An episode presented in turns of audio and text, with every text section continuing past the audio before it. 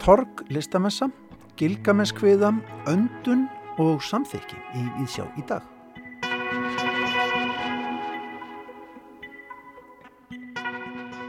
Bókin Samþykki eftir Vanessu Springora allir vægast sagt fjadrafóki þegar hún kom út í Fraklandi 2020. Í bókinni rifjar Springora upp hvernig virtur franskur rítöfundur, táldrá hanna, nauðgaði og stopnaði til sambands við hanna þegar hún var 14 ára og hann 50. Bókin hristi rækilega upp í fransku samfélagi og kvekti umræður sem að margir af eldri kynnslóðinu áttu erfitt með að taka þátt í en það þáttakendur í samfélagi sem samþykti þetta sjúka samband. Bókin kom nýverð út í íslenskri þýðingu þeirra Ardísar Lóu Magnúsadóttur og Guðrunar Vilmundradóttur og við ræðum við Guðrunu í þætti dagsins. Torg listamessa á Korpúlstöðum hófstum liðna helgi og stendur fram yfir þá næstu. Listamessan er stærsti síningar og söluvettfangur íslenskrar myndlistar ár hvert og það sem sjáum á á einum stað fjölbreytileg listaverk sem hægt er að kaupa á staðnum beint af listamönnunum sjálfum. Annabel von Girsevald er síningastjórin Torgsins en það er SÍM, samband íslenskra myndlistamanna sem að heldur utanum viðbörðin. Við lítum inn á korpúrstaði hér á eftir. Hið forna söguljóð Gilgames kviða rekur ævifornar góðsagnir um Gilgames, konung Mesopotamíu, hinnar fornu og samferðafólks hans, guði, ófreskjur og menn. Verkið kom fyrst út í íslenskri þýðingu Stefán Stefánssonar 1996 en hefur nú verið endurútgefið. Við kynnum okkur verkið að því tilefni. Svo kynnum við til leiks nýjan pislahöfund hér í Víðsjá. Ragnæður Harpa Leifsdóttir, skáld og myndlistakona mun taka hér til máls aðra hverja viku í þættinum og hún ætlar að velta fyrir sér líkamleika. Í dag erum við hugan við öndun. En í dag byrjum við að því að kíkja upp á gamalt hlöðuloft.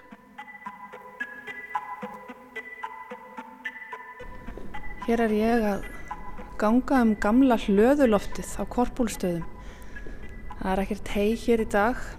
Heldur er rýmið yfir fullt af myndlist, samtíma myndlist. Hér eru félagar sím að halda listamessu og mér er sagt að þessi listamessa torg sé bara, já, stæsti svona síningar og söluvettvangur íslenskara myndlistar í dag. Og hér er mjög, þetta er mjög fjölbreytt verk. En þær eru hérna tvær að bardúsa Áskjörðu Júliusdóttir, hún er verkefnis og kynningastjóri SÍM og Bryndís Brynjarsdóttir, myndlistarkona sem á verk hér á einum básana, er ekki hægt að kalla þetta bara bása svona eins og við séum í fjósunu eða hvaða stelpur? Jú, algjörlega og við hefum alveg stilt þess að þannig upp að þetta séu, að þetta séu talað um bása. Um, við erum með hérna 50 bása og á þessum básum eru yfir 70 listamenn með verk til sínis þar af eru uh, nokkri sem eru saman í bás. Það er á meðal hérna, Sím Residency sem er verkefni sem að hérna, samband íslenskara myndlistamanna stendur fyrir og, og er sérst, hérna, vinnustofu program þar sem erlendri listamenn er að koma til Íslands í að minnstakosti einn mánuð til þess að vinna að listsköpun sinni.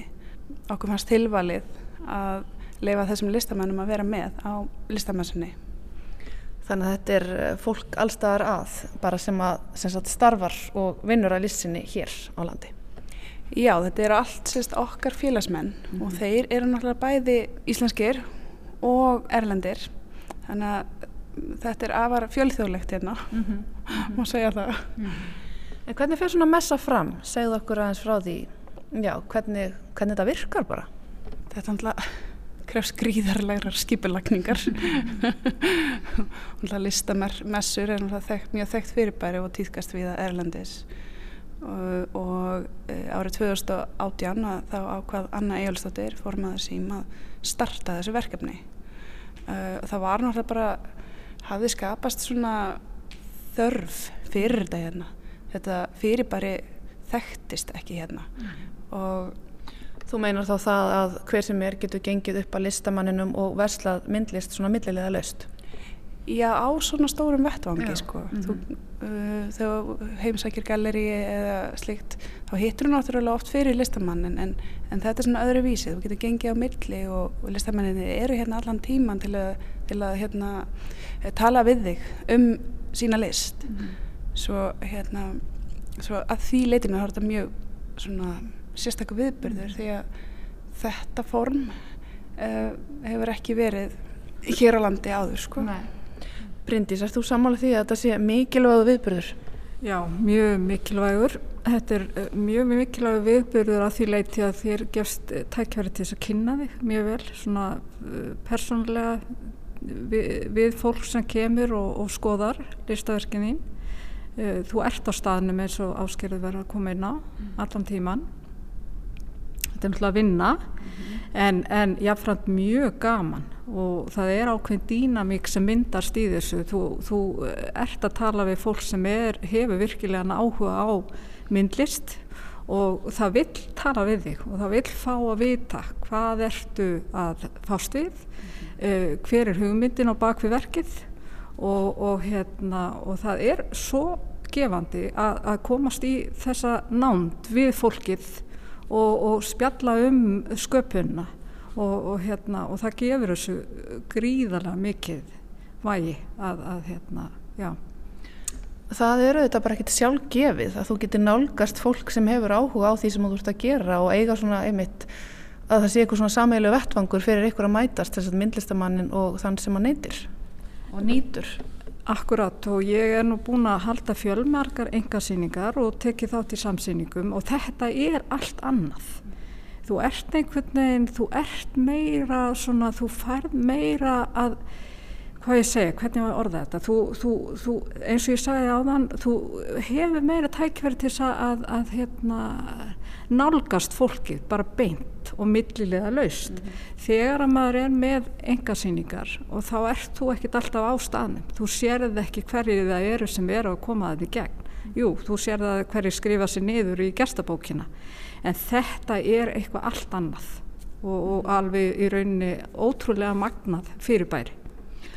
Akkurat og það var vist mjög mikill gangur af fólki hér um helgina, finnur þau fyrir miklum áhuga? Algjörlega, það, það var, algjörlega, ég meina það var bara þannig. Það var mikið af fólki og það var svo mikil breytt í aldrinu líka. Þetta var alls konar fólk og, og hérna og ég meina veist þetta var alveg bara frá því bara litli krakkar og, og bara upp í áttrætt sjáðu og, og hérna og þú veist og það að, að tala bara við fólk á öllum aldri og, og það var með fullta spurningum og svona þetta er bara þetta er svo frábært mm -hmm. og ég, ég, ég rauninni get ekki líst þessu hvað þetta er frábært Greinlega mjög skemmtilegt og líka kannski fólk sem alla jafna sækir ekki mikið galeri heim eða hvað, þetta er svona eins og þú segir, þetta er breyðari hópur. Ég hugsa að það sé nefnilega svolítið til í því nefnilega. Sumir kannski koma hér inn bara vegna eh, kannski einhverja þekkingar á myndlistin en sumir kannski bara í rauninni, já, tilviljuna kendi eru kannski bara hér á ferð með uh, vinum sem uh, dragað á staðinn eða, eða einhver fjölskyldtengsla og svona. En ég samt sé ég að það er virkilega fólk að koma sem er að koma vegna þess að það hefur alltaf haft brennandi áhuga myndlist. Það er nefnilega málið. Ertu sammálið þessu áskerður? Já, ég er alveg sammálið þessu og hérna uh, við erum bara hvetjum alla til að kíkja því að geta allir fundið hérna eitthvað við sitt hæfi mm -hmm.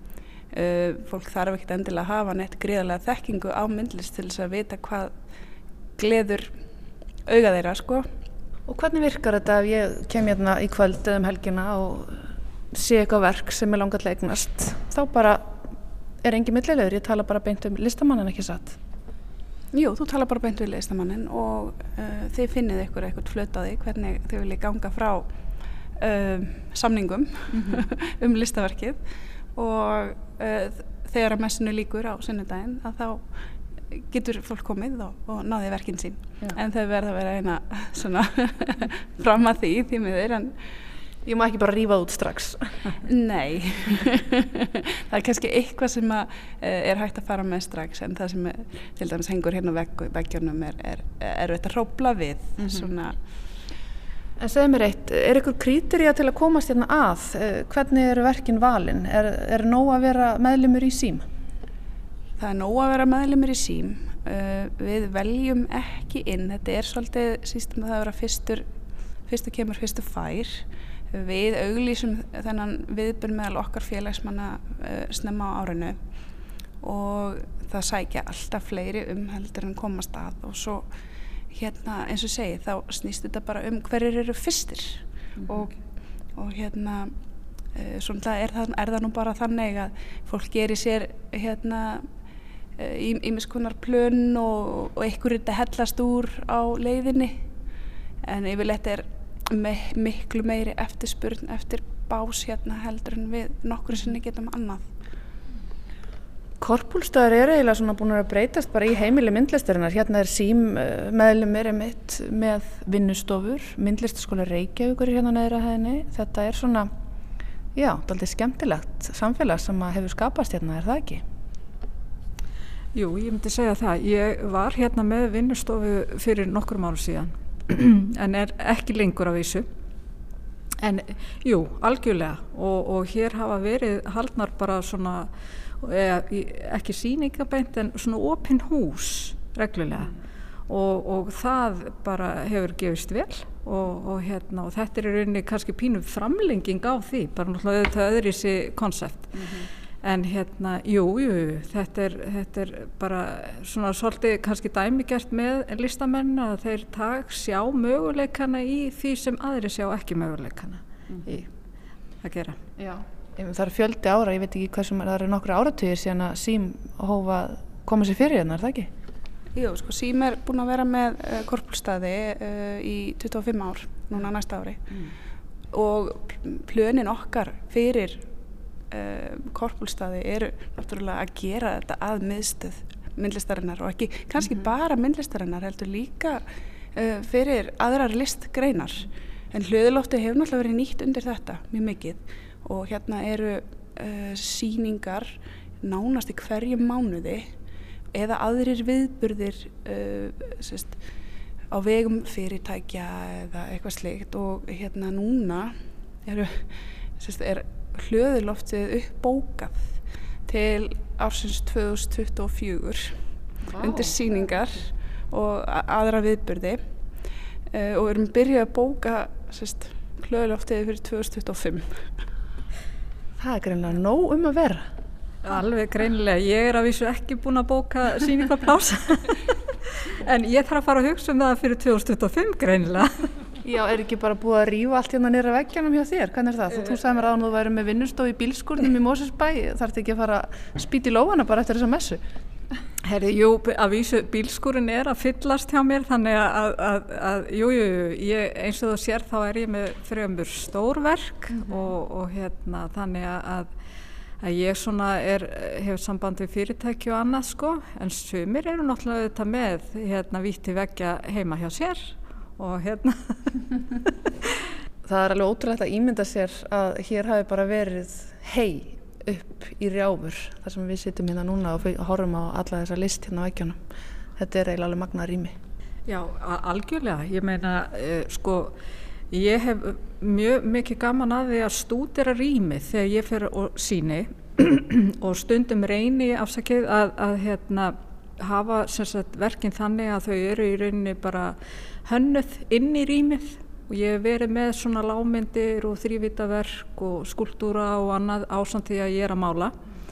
Þannig að ég tek rýmið og skoða það mjög vel. Og þetta rýmið er náttúrulega þurft, þetta er náttúrulega reysarýmið sko. Mm -hmm. en vá, ég bara sé fyrir mér í framtíðinu, ég á öruglega eftir að sína þarna sko, því að ég er alveg fann að pæla í því sko hvað er hægt að gera þarna sko þú veist, algjörlega. Ég meina, þetta er, þetta, og ég er ekkert að grínast með það, þetta er alveg ótrúlega mhm. magnaður í mig Bryndís Brynjarsdóttir, myndlistakona við býðum bara spennt að sjá hvað þú gerir hérna við þetta hlöðuloft, eitthvað tíman í framtíðinni þegar það losnar. Og áskerður Júliusdóttir verkefnastjóri hjá SÍM, takk innilega fyrir spjallið og goða skemmtun í kvöld og um helgina, er ekki opið bara eitthvað langt framöttir?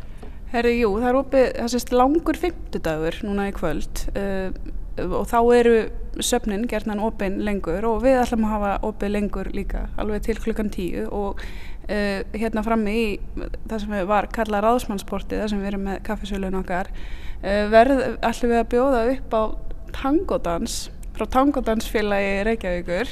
Að, og það byrja klukkan átta.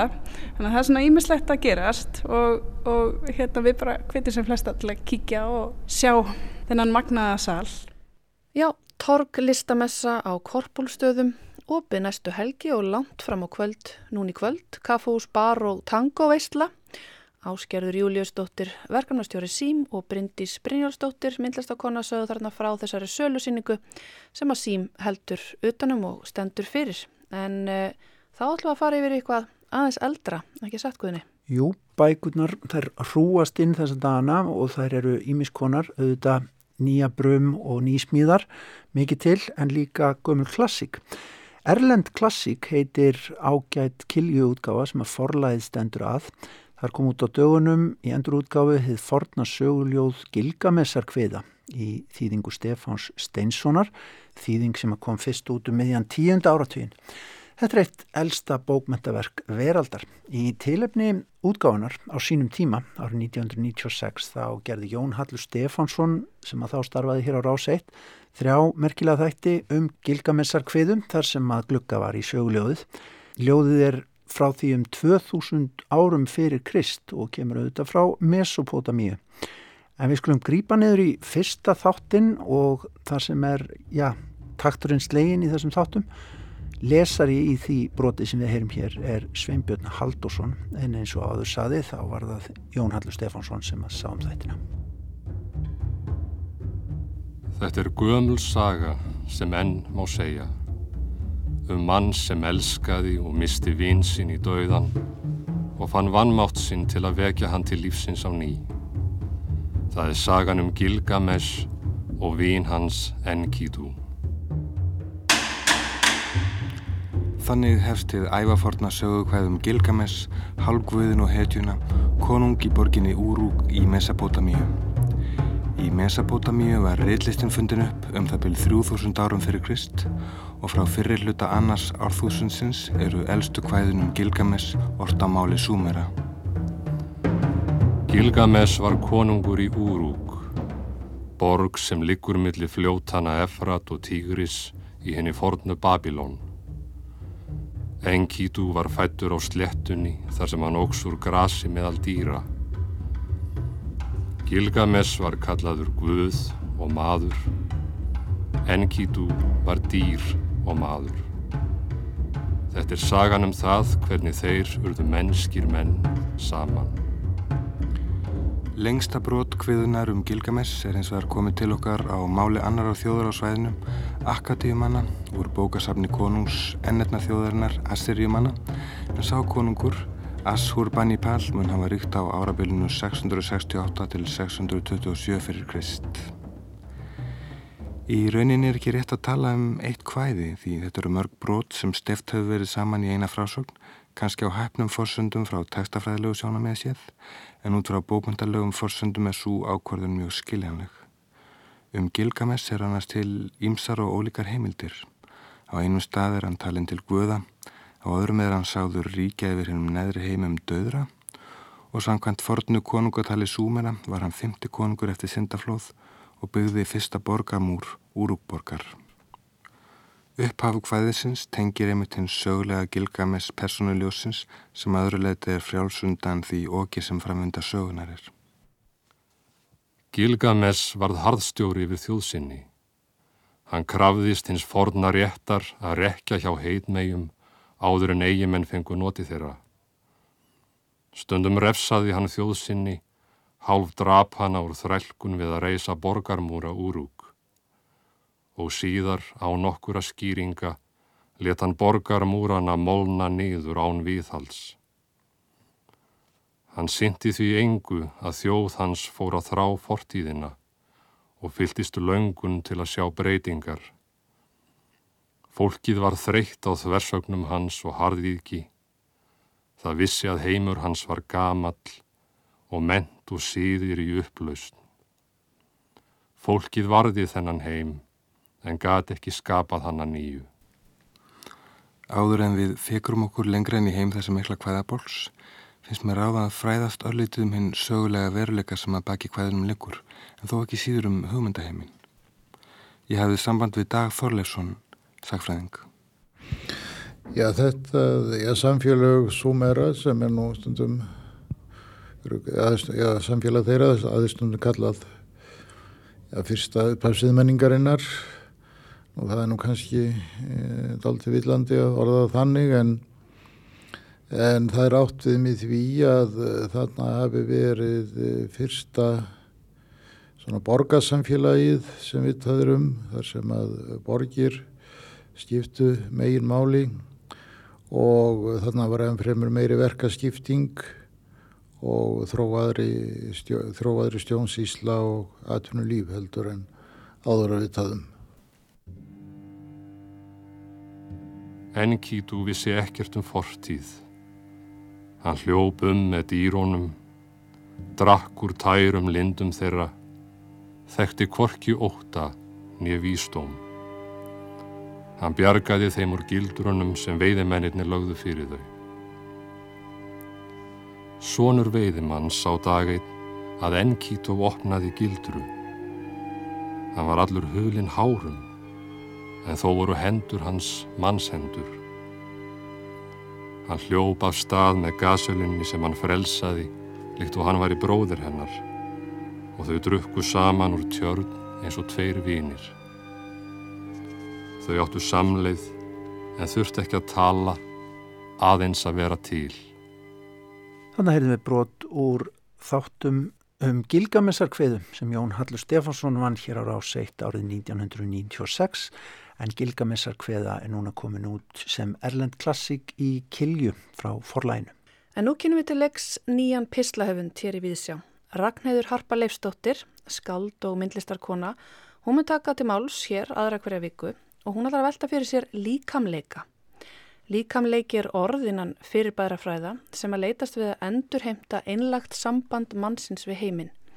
Allt sem við skinnjum, hugsum, munum, segjum hvort við annað á sér stað í gegnum líkam okkar. Við erum líkamlegar verur. Við skulum hlýða á fyrsta pistil Ragnæðar Hörpu.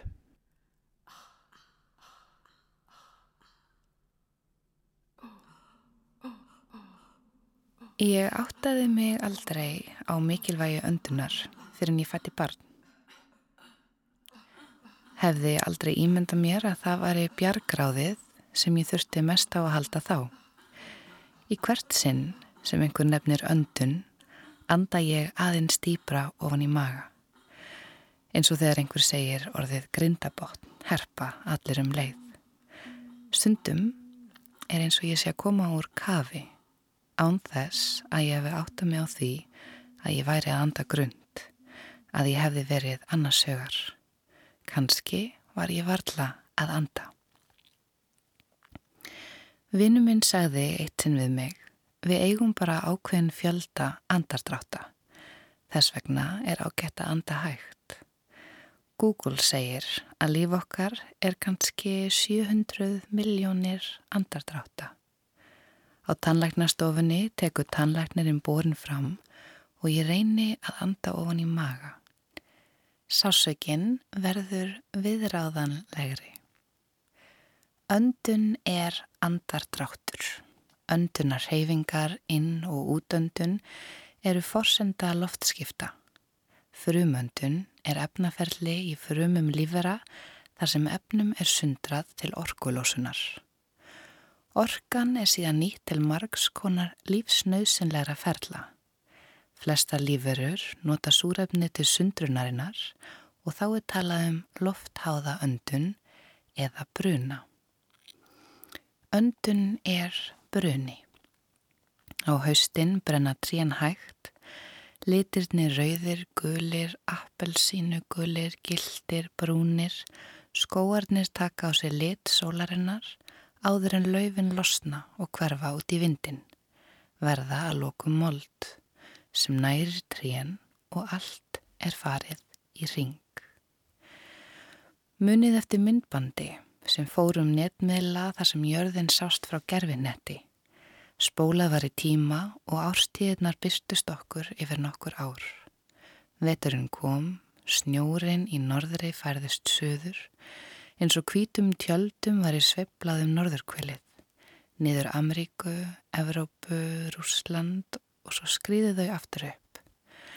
Þetta gerðist aftur og aftur og aftur í myndbandinu, vetur, vor, sumar, haust, ástíðna ringsóluðum jörðina og við komumst ekki hjá því að taka eftir hvernig jörðin virtist reynlega vera að anda. Á innundun fljúa fugglarni norður, gera sér reyður á eigunum, fólk stýgur léttvætt niður gutturnar með bagett í stuttarmaból úlpurnar vikja fyrir léttum peysum. Á útöndun feikir vindurinn laufunum af trjánum, amma býður í kakó við kveikjum á jólastjörnum og snjórin leggst yfir, svæfir okkur undir mjúku kvítu teppi. Eitt ár, einn andardráttur jarðarinnar og tíminn fyrir hingi bjagast við það að vera sett í jarðsögulegt samhengi. Líf mitt 33 andardrættir á jörðu. Það þykir eðlilegt að anda 12 til 25 sinnum á mínútu, 16 er miðaltalið. Ég get því gefið mér að ég hafi lifað í eina og halva mínútu af tíma jarðarinnar í þessu samengi. Dóttir mín nokkrar sekundur. Hún er svo næfur þunn þessi lína sem aðskilur heimana.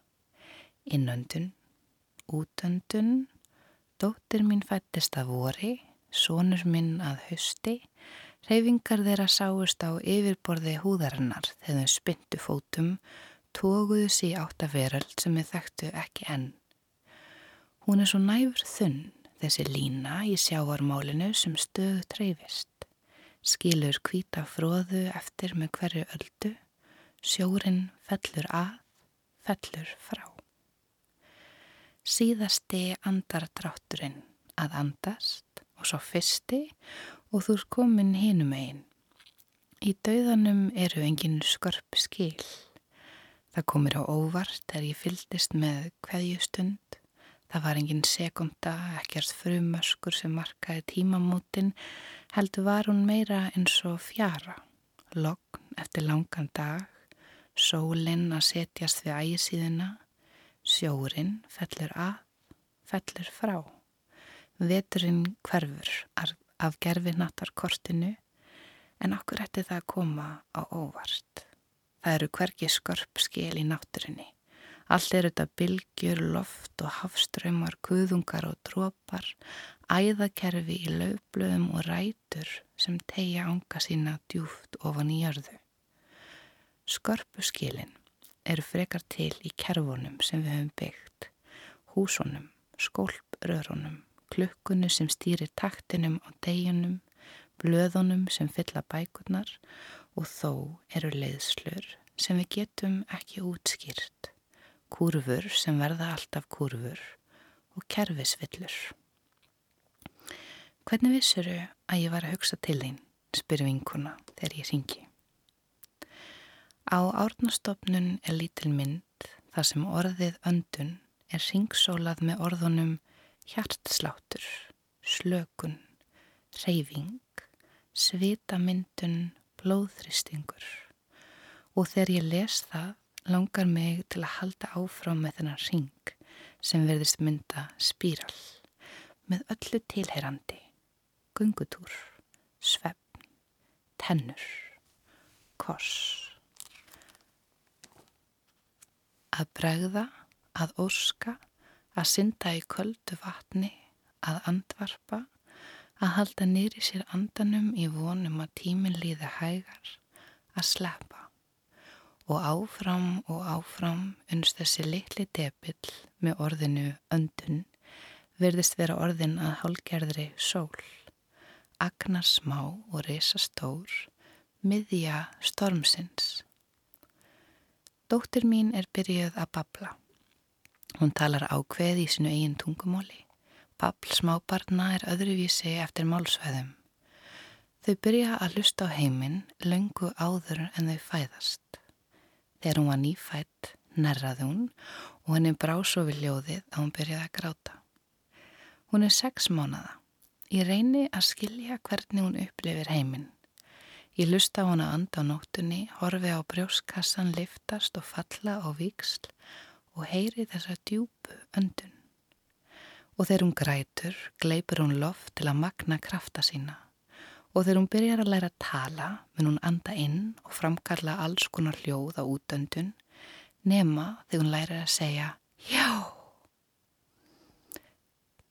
Kvalir anda út þegar þeir koma upp á yfirborðið. Þeir geta haldið nýri sér andanum í 90 mínútur. Selir tæma lungun áður en þeir stökka út í vatn. Það gera líka fríkavarar Það gera líka keisaramörgæsir og tegund af sæskjálpökum. Lengsta skráða köfun sels eru tveir tímar, en börn í móðurkviði anda ekki fyrir þau fæðast. Súrefni ferðast í gerðum lungu móðurinnar, hjarta, æðaskipan, leg og fylgju og loks inn í naflastreng. Að anda í fyrsta skipti Það lítur að vera eitthvað ótrúlegt. Úr vatni í loft, loft sem er jú eiginlega annars konar vatn. Í frétt á BBC er skrifað um hvernig það gerist um, þegar í kór að hjartsláttur söngvarana samstillist þegar þau syngja saman. Hinn sænski doktor Björn Vikhoff skrifar um hvernig púlsinn fari niður þegar við öndum út og þegar við öndum inn fyrir hann upp. Þegar við syngjum erum við að syngja loftinu sem við öndum út á þá fer hjartslátturinn upp. Og á millið þess sem við syngjum öndum við inn og þá fer hann upp. Hjartslátturinn fylgir þannig byggingu lagsins sem verður að syngja. Með því að anda á sumu töktum samstillir kórin hjartslög meðlema. Hann skrifar að gefnar hafa verið út rannsóknir á jógískri öndun og litri öndun sem vilist hafa góð langtíma áhrif á blóðþristing og vinna á kvíða. Því niðurstaðans að kóröndun lítur að gefa af sér það sama. Það er eitthvað freka magnað að hugsa um hóp, að fólki og hjörtu sem slá í takt. Að hugsa um hóp að fólki sem hjörtu sem slá er eitt og sér frekar magnað. Hugtakið, hjörtu sem slá í takt, nær yfir miklu meira en ástfangið par. Ég hef líka lesið um að þetta geti gerst í leikúsi, í bíó, í upplifun sem er stýrð en fókusinn hjá áhörundum sá sami. Förum við þá anda í takt án þess að við áttum okkur á því. Undanfarið hefur töluvert verið rætt um mikilvægi þess að anda með nefinu. Þegar við öndum inn með nefnu, tökum við inn meira súrefni, reynsum frá það sem óaskilegt er, öndum dýbra. En svo komum við fram líka kenningar um að það geti haft áhrif á tannhilsu. Hvar tungan er staðsett ef við öndum inn með nefnu, haft áhrif á svefn, andlitsbyggingu, hilsu. Þetta sem er jú grunnstóðir alls lítur að hafa meiri áhrif á okkur en við gerum okkur grein fyrir. En samt er þetta eitthvað sem við leiðum hugan varla að því við öndum ósjálfrátt. Tannlagnar hafa einhverju bent á að það getur verið ágætt að prófa að sofa með bundi fyrir munn ef við viljum þjálfa okkur í neföndun. Það er áhugavert að æfa eitthvað sem er okkur algjörlega eðlislegt og lífsnöðsynlegt. Og það var það sem ég hugsaði í fyrsta meðgöngu jókatímanum þegar auður kenda okkur haföndun. Hvernig djúböndun geti hjálpað okkur í hríðum. Hún sagði að hríðarnar væru eins og bylgjur, eins og hafströymar sem kæmu og fjöruðu síðan út. Öldurnar skella á og það eina sem hægt er að gera er að anda og slaka.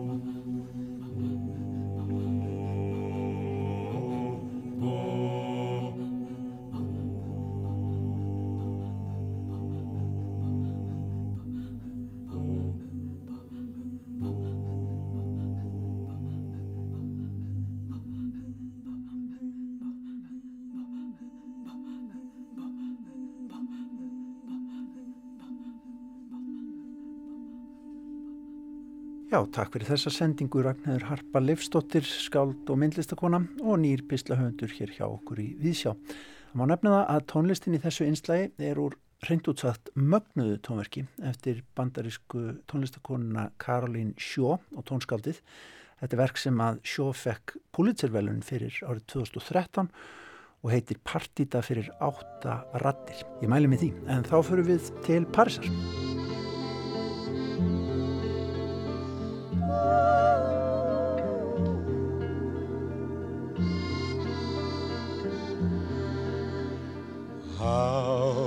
Would you like to be down by the Seine with me?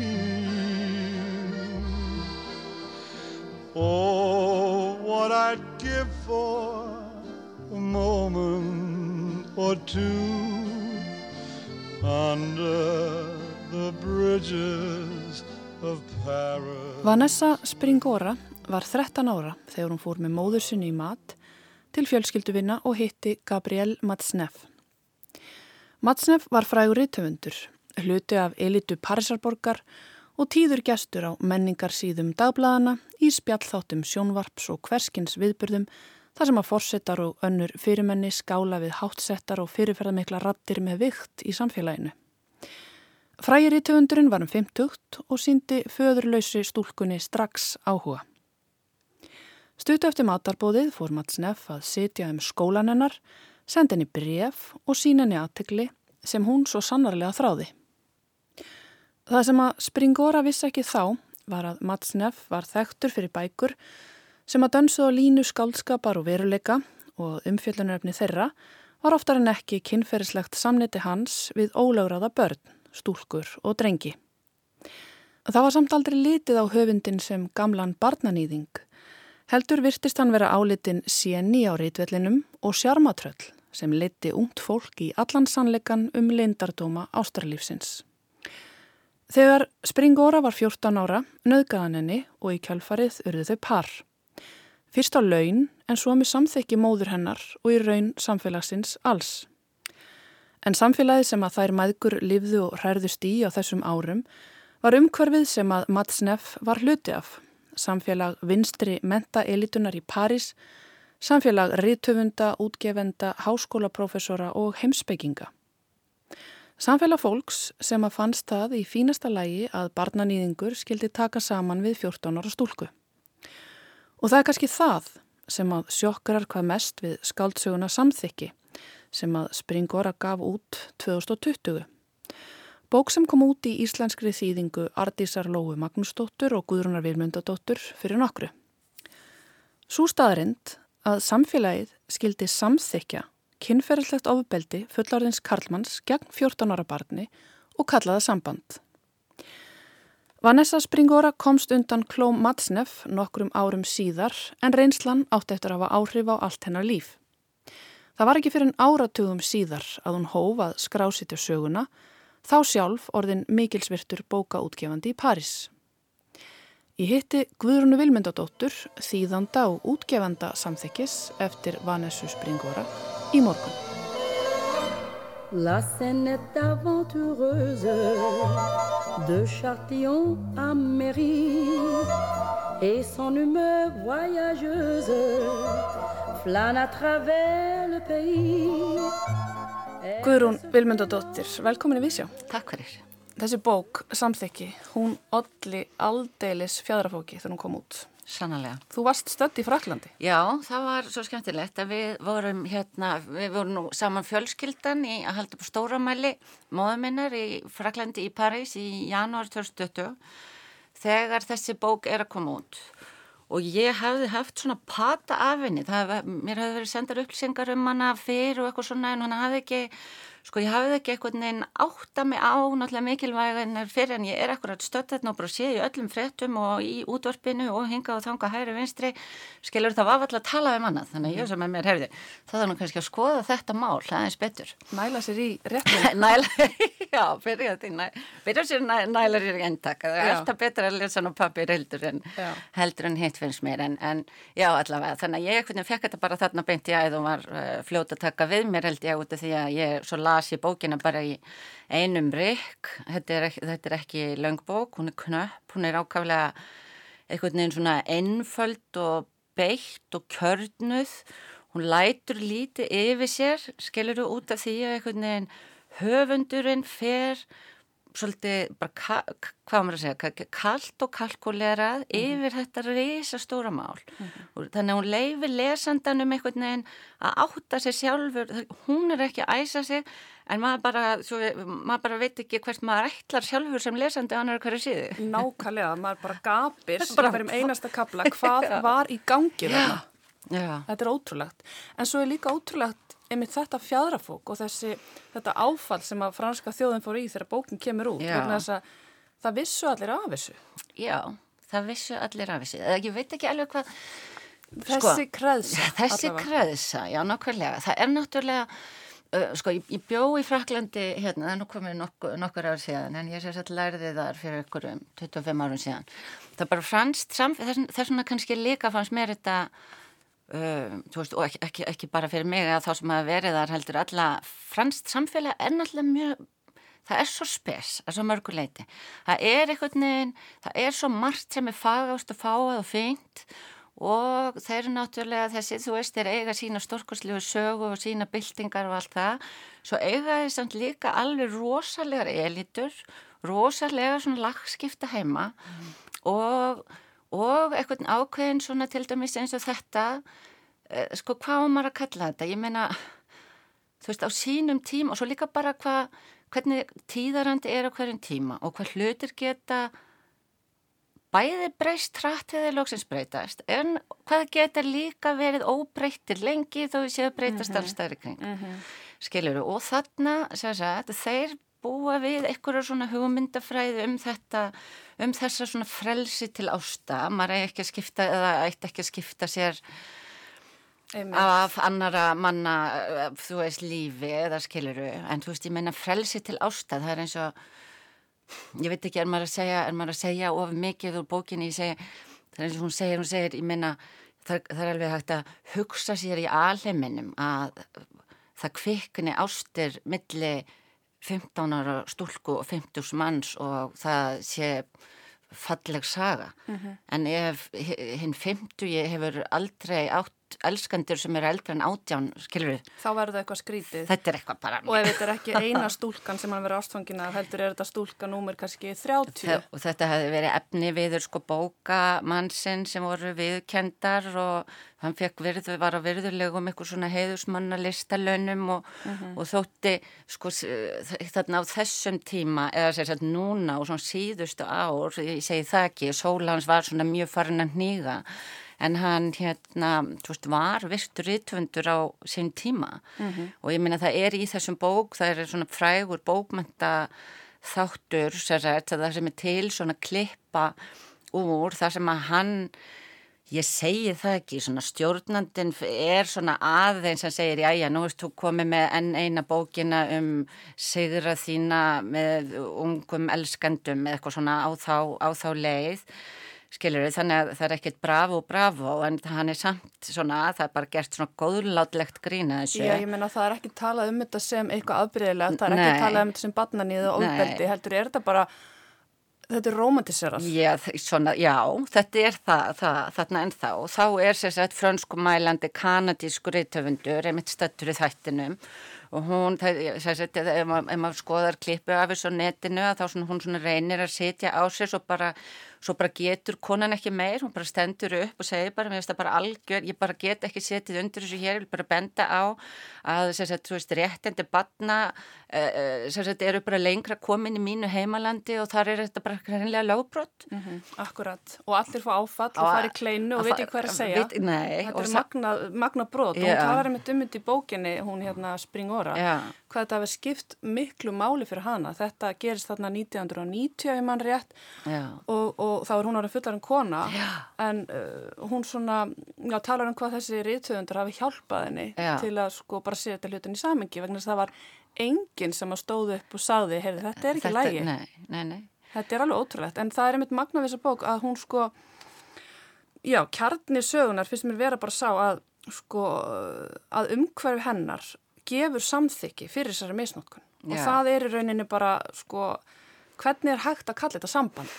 Já, hvernig já. gerist það? Hún svona reynir að skilja það í bókinni og nefnir eins og þú talar um sko þennan tíðaranda 68 kynslaðarinnar hvernig sko og mammenar og samband þeirra er svo áhugavert. Já, Hvernig... mér finnst það mjög áhugavert Já, þegar hún er að reyna að gera þetta hvernig svona uppi og verður hún rey, eh, skiljanlega sagt, þú, veist, hún er reyð við svo marga, þetta er náttúrulega bara hrikalegt eitthvað áfalli í hennar lífi eitthvað eftir á mánu skemmt búin að vera ára tugi að vinna þessu og sjá Sett, sem að mér finnst hún svo gera alveg snildarlega uh mhm. -huh. með þessari af því hún er líka svona einföld og lástemt og svona greinandi saga uh mhm. -huh. en, en uh, mér finnst áhugaverður mitt kaplinn þar sem hún er að þar sem hún er langar bara til að spyrja mömmu sína bara hvað, þú veist, hvað varst að spá?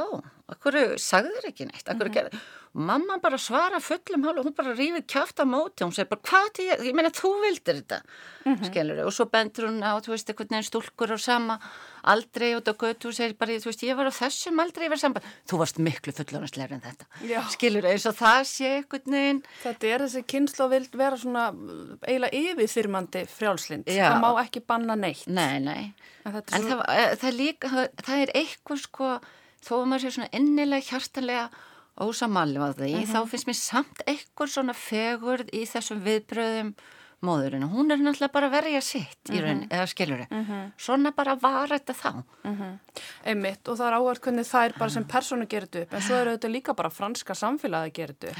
Það var eh, bæði þessi klippa sem er flóið svona hátt, ég minna þessi kona, þessi kanadíski rítumundur, hún var bara kanseluð í Fraklandi það kom ekki út einn bóka eftir henn eftir þetta og veist eftir uppdötið í nei, í, og, í, nei, og síðan bladana þá voru mikil hristi menn sem að kalluða hana bara ef ég mann rétt bara kynnkalda tík eða eitthvað svolítið í þá átt, hún bara skildi ekki franska menningu Já, og svo framvegð þetta er svona varnarkerfi sem að sko ákveði Sérst að því ef þú ætlar, ef þú ert búin að, þetta, þetta er svolítið einmitt um það, menn ef þú ert búin að samþykja þetta svona lengi og kannski berjast fyrir því að einhverju leiti að því þú ert í raunin að berjast fyrir öðrum þáttum en þessi bara fylgir með mm -hmm. þá er bara svolítið meir en að segja það að ætla leiðrétta það kannski þarf, kannski er það svolítið það sem við erum búin að vera að sjá annar staðar og viðar, veist, það er ekkit það er eins og sé ekkit alveg hægt einhvern veginn að leiðrétta einhverja svona hluti með aðeins svona að nota smá svona fingerðan sandpappir á eitthvað, mm -hmm. það þarf mhm. bara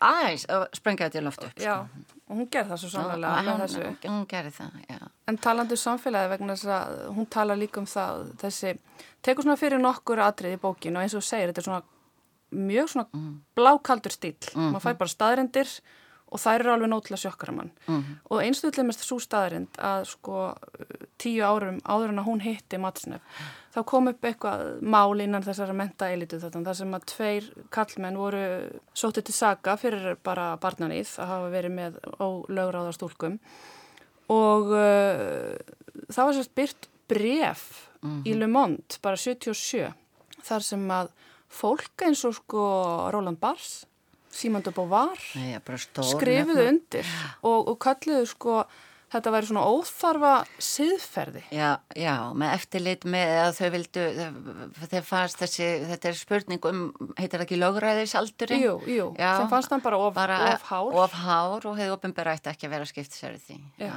þessum. Og þetta er bara 77 já, já. og svo 30 árum síðar þá bað dagblæðið loks afsökunar á þessu.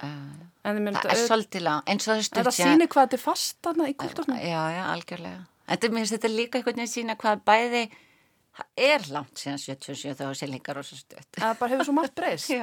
en það segir hún líka höfundurinn að hún hefði aldrei mm. geta komið með þessa bók ja. fyrir þessa MeToo-sprengju. Nei. Hún, hún talar um bara ekki einu svona fyrir fimm árum. Sko. Nei, nei, hún svona fylgir í hann eða nota svona kraftin úr henni. Já. Svolítið, já. Einmitt. Að ég er svolítið, já, að ég tek eftir, ég er samt, ég er ána með, mér finnst eitt líka vera í þessu að ég ána með að hérna, notum ólíkan stíl á því að þú nefnir hann alltaf höfundin, hún alltaf nefnir hann aldrei í bókinni þó að viti allir hver hann er. Hún kallar hann uh, G uh, já, hvað, þess að fyrsta stafinn að fórnamnuna og ég hérna þegar ég hef stundu verið spurð um eða þegar ég segi frá bókinni að þá svona lýsi honum sem höfundi og hann sé frægur höfundur í Fraklandi og allt það en annarkvært að ég mun ekki hvað hann heiti eða ég kæri mikið um að halda nafn á svo lofti.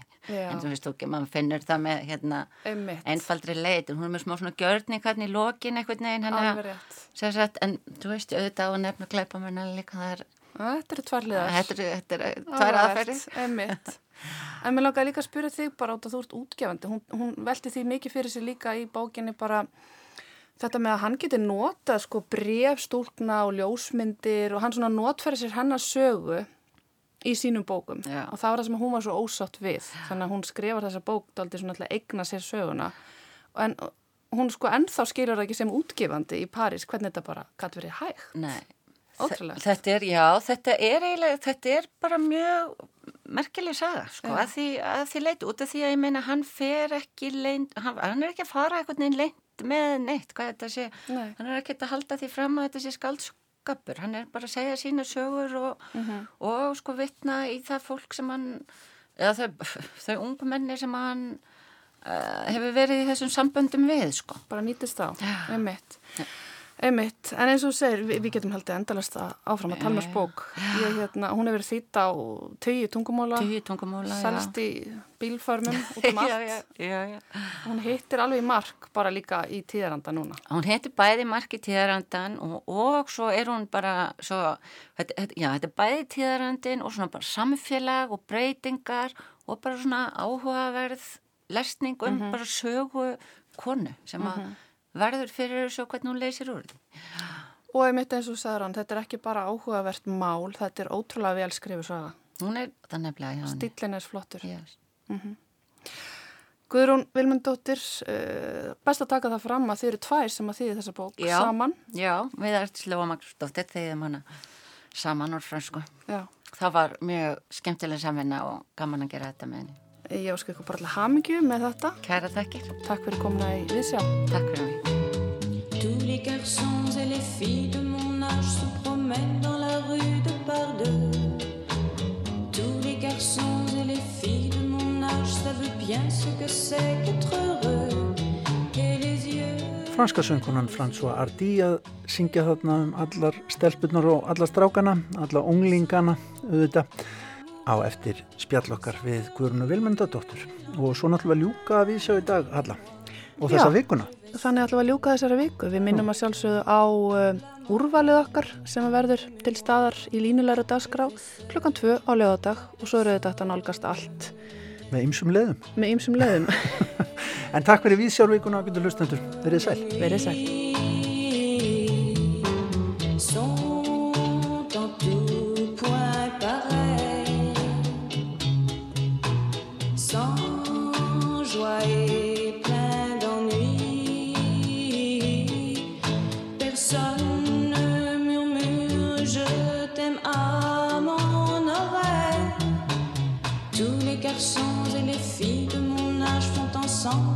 d'avenir. Tous les garçons et les filles de mon âge savent très bien ce qu'aimer veut dire.